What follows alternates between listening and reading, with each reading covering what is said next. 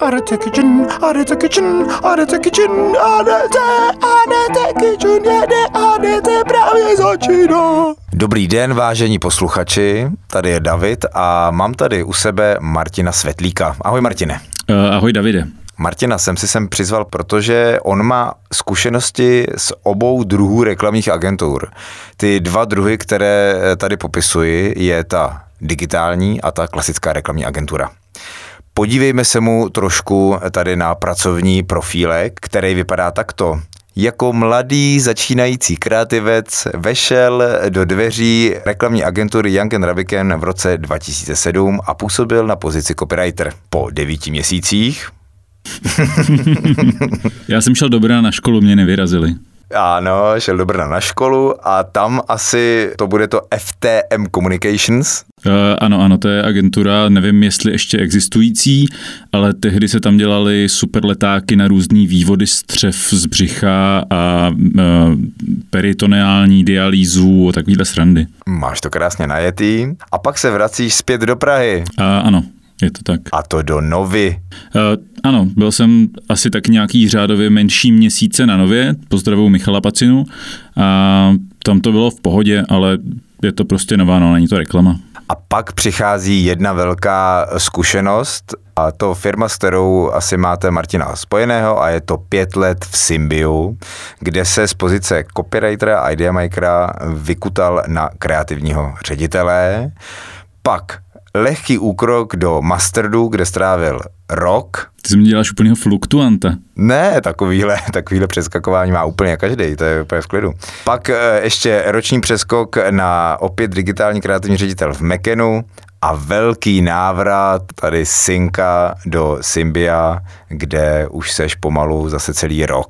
Uh, jo, jo, už je pomalu na čase. Ne, si dělám legraci. A teďka teda vidíte, že si Martin oběh spoustu agentur a já bych rád, aby tenhle rozhovor směřoval k lidem, kteří se třeba rozhodují, jestli mají vstoupit do digitální agentury anebo do klasické reklamní agentury a jaký je mezi nimi rozdíl.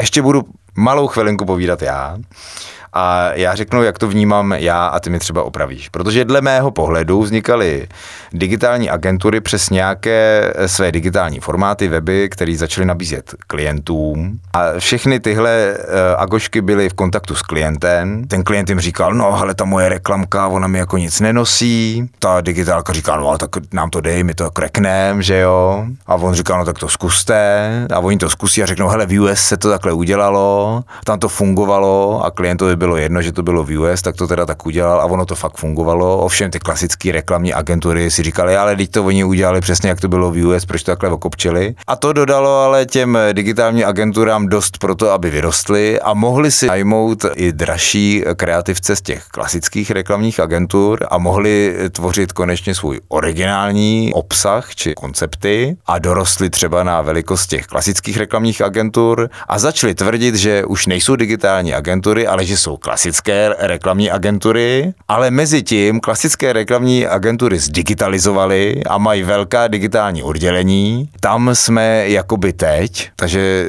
by mě zajímalo, jak ten vývoj vidíš ty, v čem bys mě opravil, jaká je teda situace dnes? Já si myslím, že si popsal hrozně smutný příběh, který ne úplně nutně musí být nepravdivý, protože samozřejmě spousta těch agentur to tak jako... V, v, to byl veselý příběh. Ale spousta těch agentur to tak jako měla a vlastně je to takový až jako skoro kolorit toho, že každá digitální agentura narazí na svoje limity někdy v průběhu toho vývoje, protože ty budgety jsou prostě nižší, všichni si chtějí šáhnout na ty velké kampaně, kde se toho dá dělat víc za mnohem větší peníze, tak se musíš jako dedigitalizovat do toho všechny velké agentury zase jako jsou tlačený od klientů, teď vy ten digitál jako nám musíte dát, ten je hrozně důležitý, všude to vidíme, že digitál je jako všechno, yeah. tak nám jako ho dejte a když to neumíte vy, tak my se na to poptáme někoho, kdo to umí. Takže se zakládá jako digitální divize, kam se jako nahrnou lidi, kteří někdy aspoň byli na Facebooku z té agentury.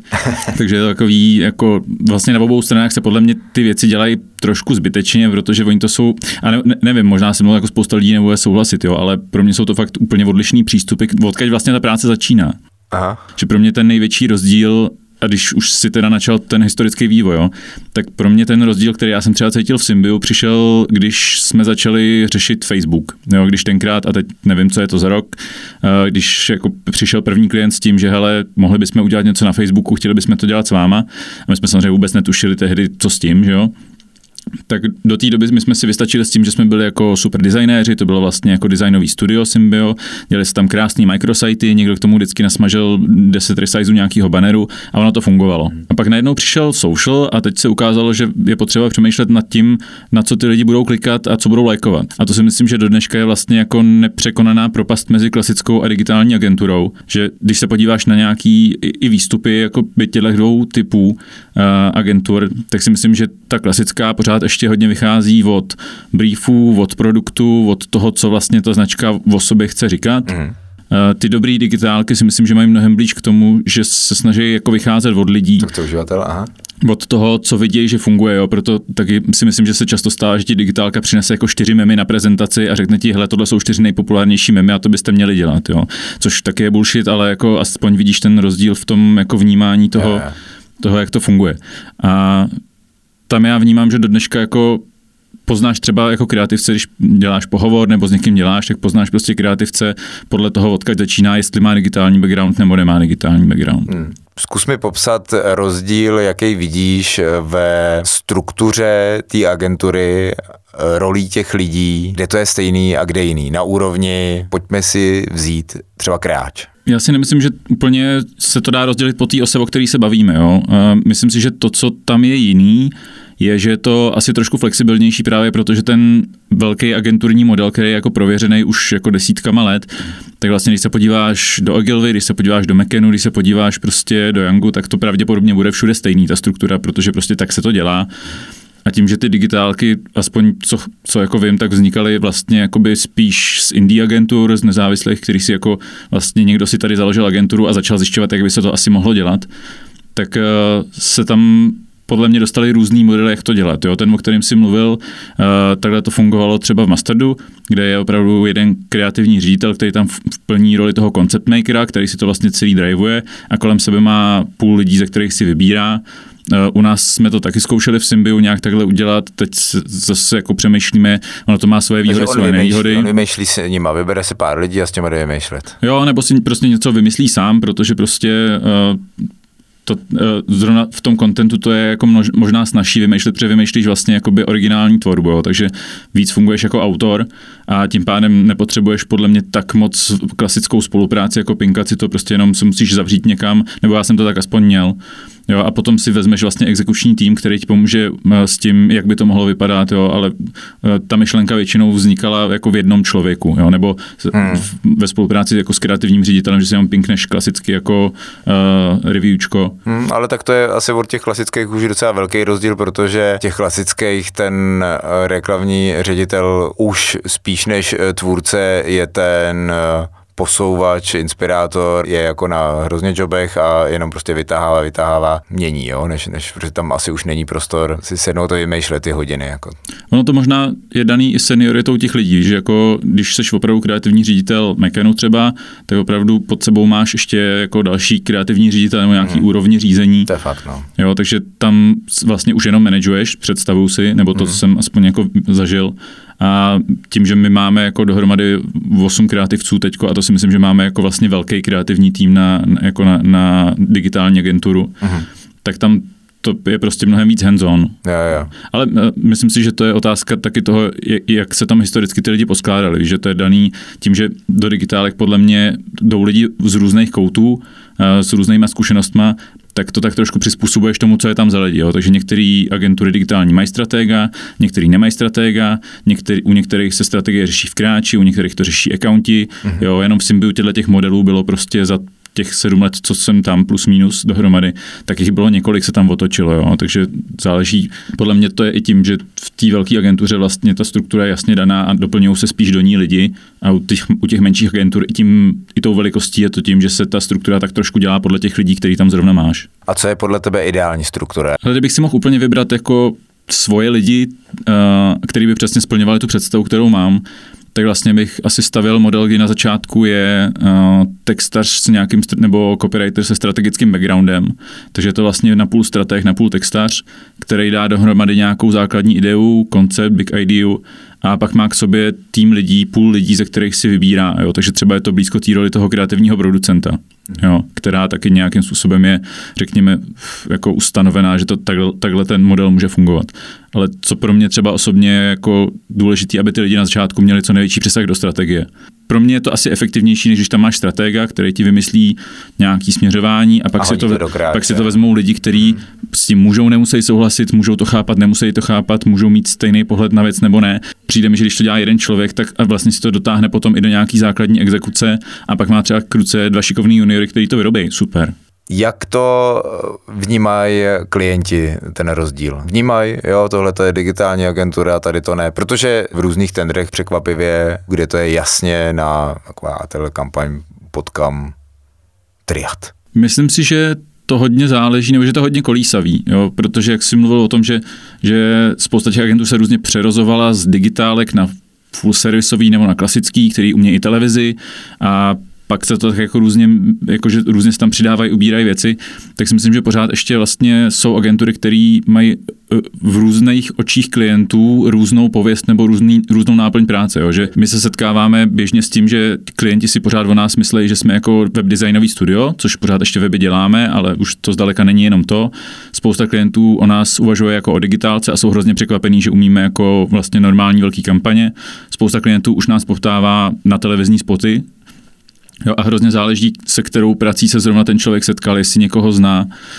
Takže určitě ten rozdíl vnímají a, a i proto, že třeba jsou překvapený s tím, s jakýma typama nápadů jsme schopní přijít, že od nás čekají prostě, nevím, micrositeu banery, asi nejspíš, a, a post na Facebooku a my přicházíme s relativně jako normálníma prostě velkýma nápadama, tak to pořád ještě jako překvapí a říkají, že jsou jako vlastně rádi, že, že to nevěděli, že něco takového umíme ale myslím si, že to nejspíš tím, že třeba nedokážeme úplně dobře říct těm klientům, hele, tohle vlastně děláme, jo, že ta historie té značky je hrozně dlouhá, tak si budete 20 let a to nevymažeš jenom tím, že začneš jako dělat jinou práci, jo, takže ono to bude asi ještě nějakou dobu trvat a Kovářova byla taky chodí vždycky bosá, že jo, takže Myslím si, že tam je spíš jako míč na naší straně to správně vysvětlit. A je výhoda překvapit klienta, anebo je to pro vás ještě nevýhoda, že uh, u někoho jste nezařazený?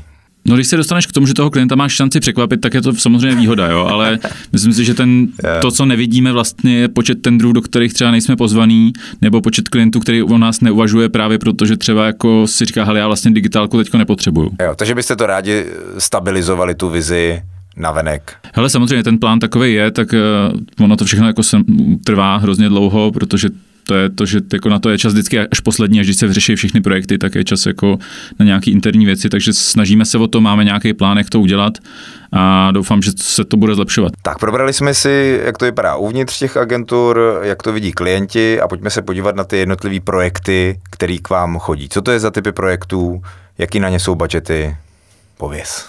Asi nejčastější uh, teďko jsou klasické kampaně digitální, aspoň u nás, s tím, že tím, jak se to vyvíjelo, tak eh, třeba 90% klientů podle mě očekává, že prostě dostanou video do onlineu, jo? což na jednu stranu je super, myslím si, že to je skvělý prostředek, jak jako splnit to, co ten klient většinou chce. Na druhou stranu eh, ty budgety, které na, ty, na ty videa mají v digitálu, jsou samozřejmě jako řádově nižší, ale to očekávání vlastně není řádově nižší. Jo, což znamená, že ten klient vlastně je zvyklý, zvlášť když má nějakou ATL komunikaci, na nějaký úroveň servisu, na nějakou úroveň prostě výstupu a samozřejmě logicky to očekává od napříč uh, všema agenturama, akorát, že ty budgety prostě nejsou takový na tu digitální část, takže my se tak, tak trošku s tím pereme.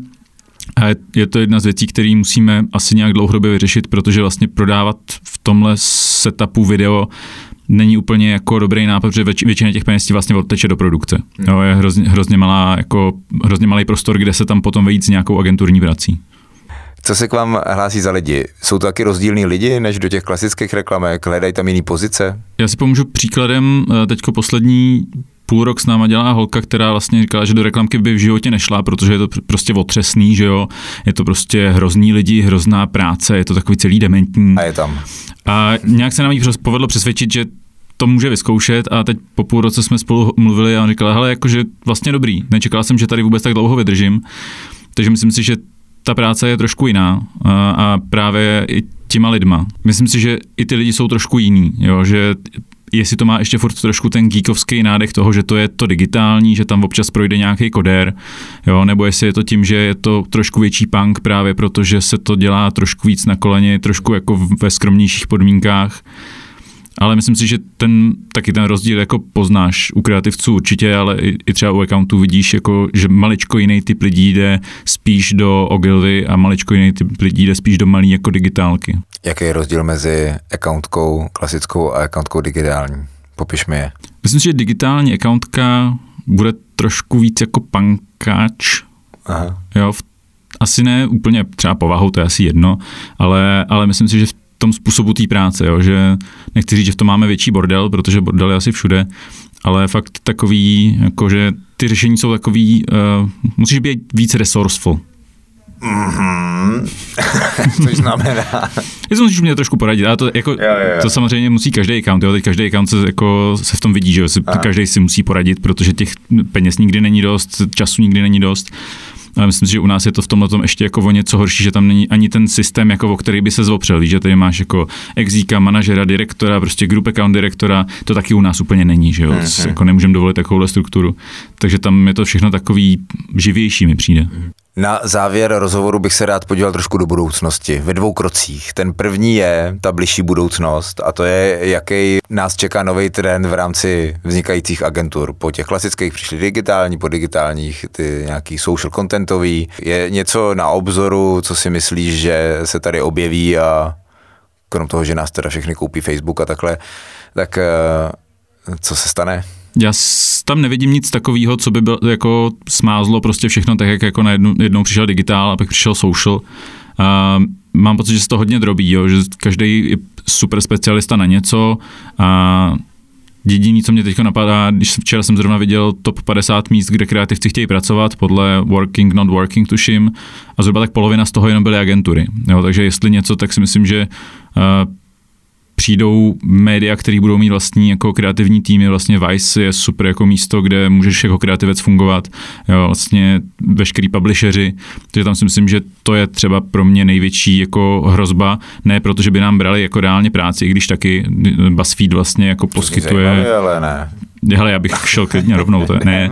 Ale, ale určitě nám budou brát lidi a asi časem i práci, no, protože není důvod, aby klient nešel přímo za médiem a, a který to udělá pro ně jako vlastně na klíč svojí ano. cílovce. Mm-hmm, přesně tak, to je, jak se jmenuje ten uh, Led Bible, ne?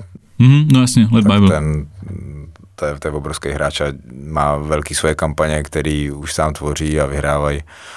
Myslím, že ty Trash Island. Trash Island byly od nich, no. Od nich, to je neuvěřitelný, ne? Hmm teďka další krok do budoucnosti a to je, kdy nás nahradí roboti časově, horizontálně. To, to je otázka pár let, že jo. Pár let, že jo. Taky a, ale, ale jak jde? Já myslím, že furt věřím tomu, že jako napsat dobrý skript, když jako vidíš co, co teď je možný, tak ještě asi nějakou dobu to bude trvat, ale uh, co se týče těch mechanických činností, jako třeba, nevím, podle mě nákup médií je něco, co se dá relativně snadno automatizovat, jo. Mm.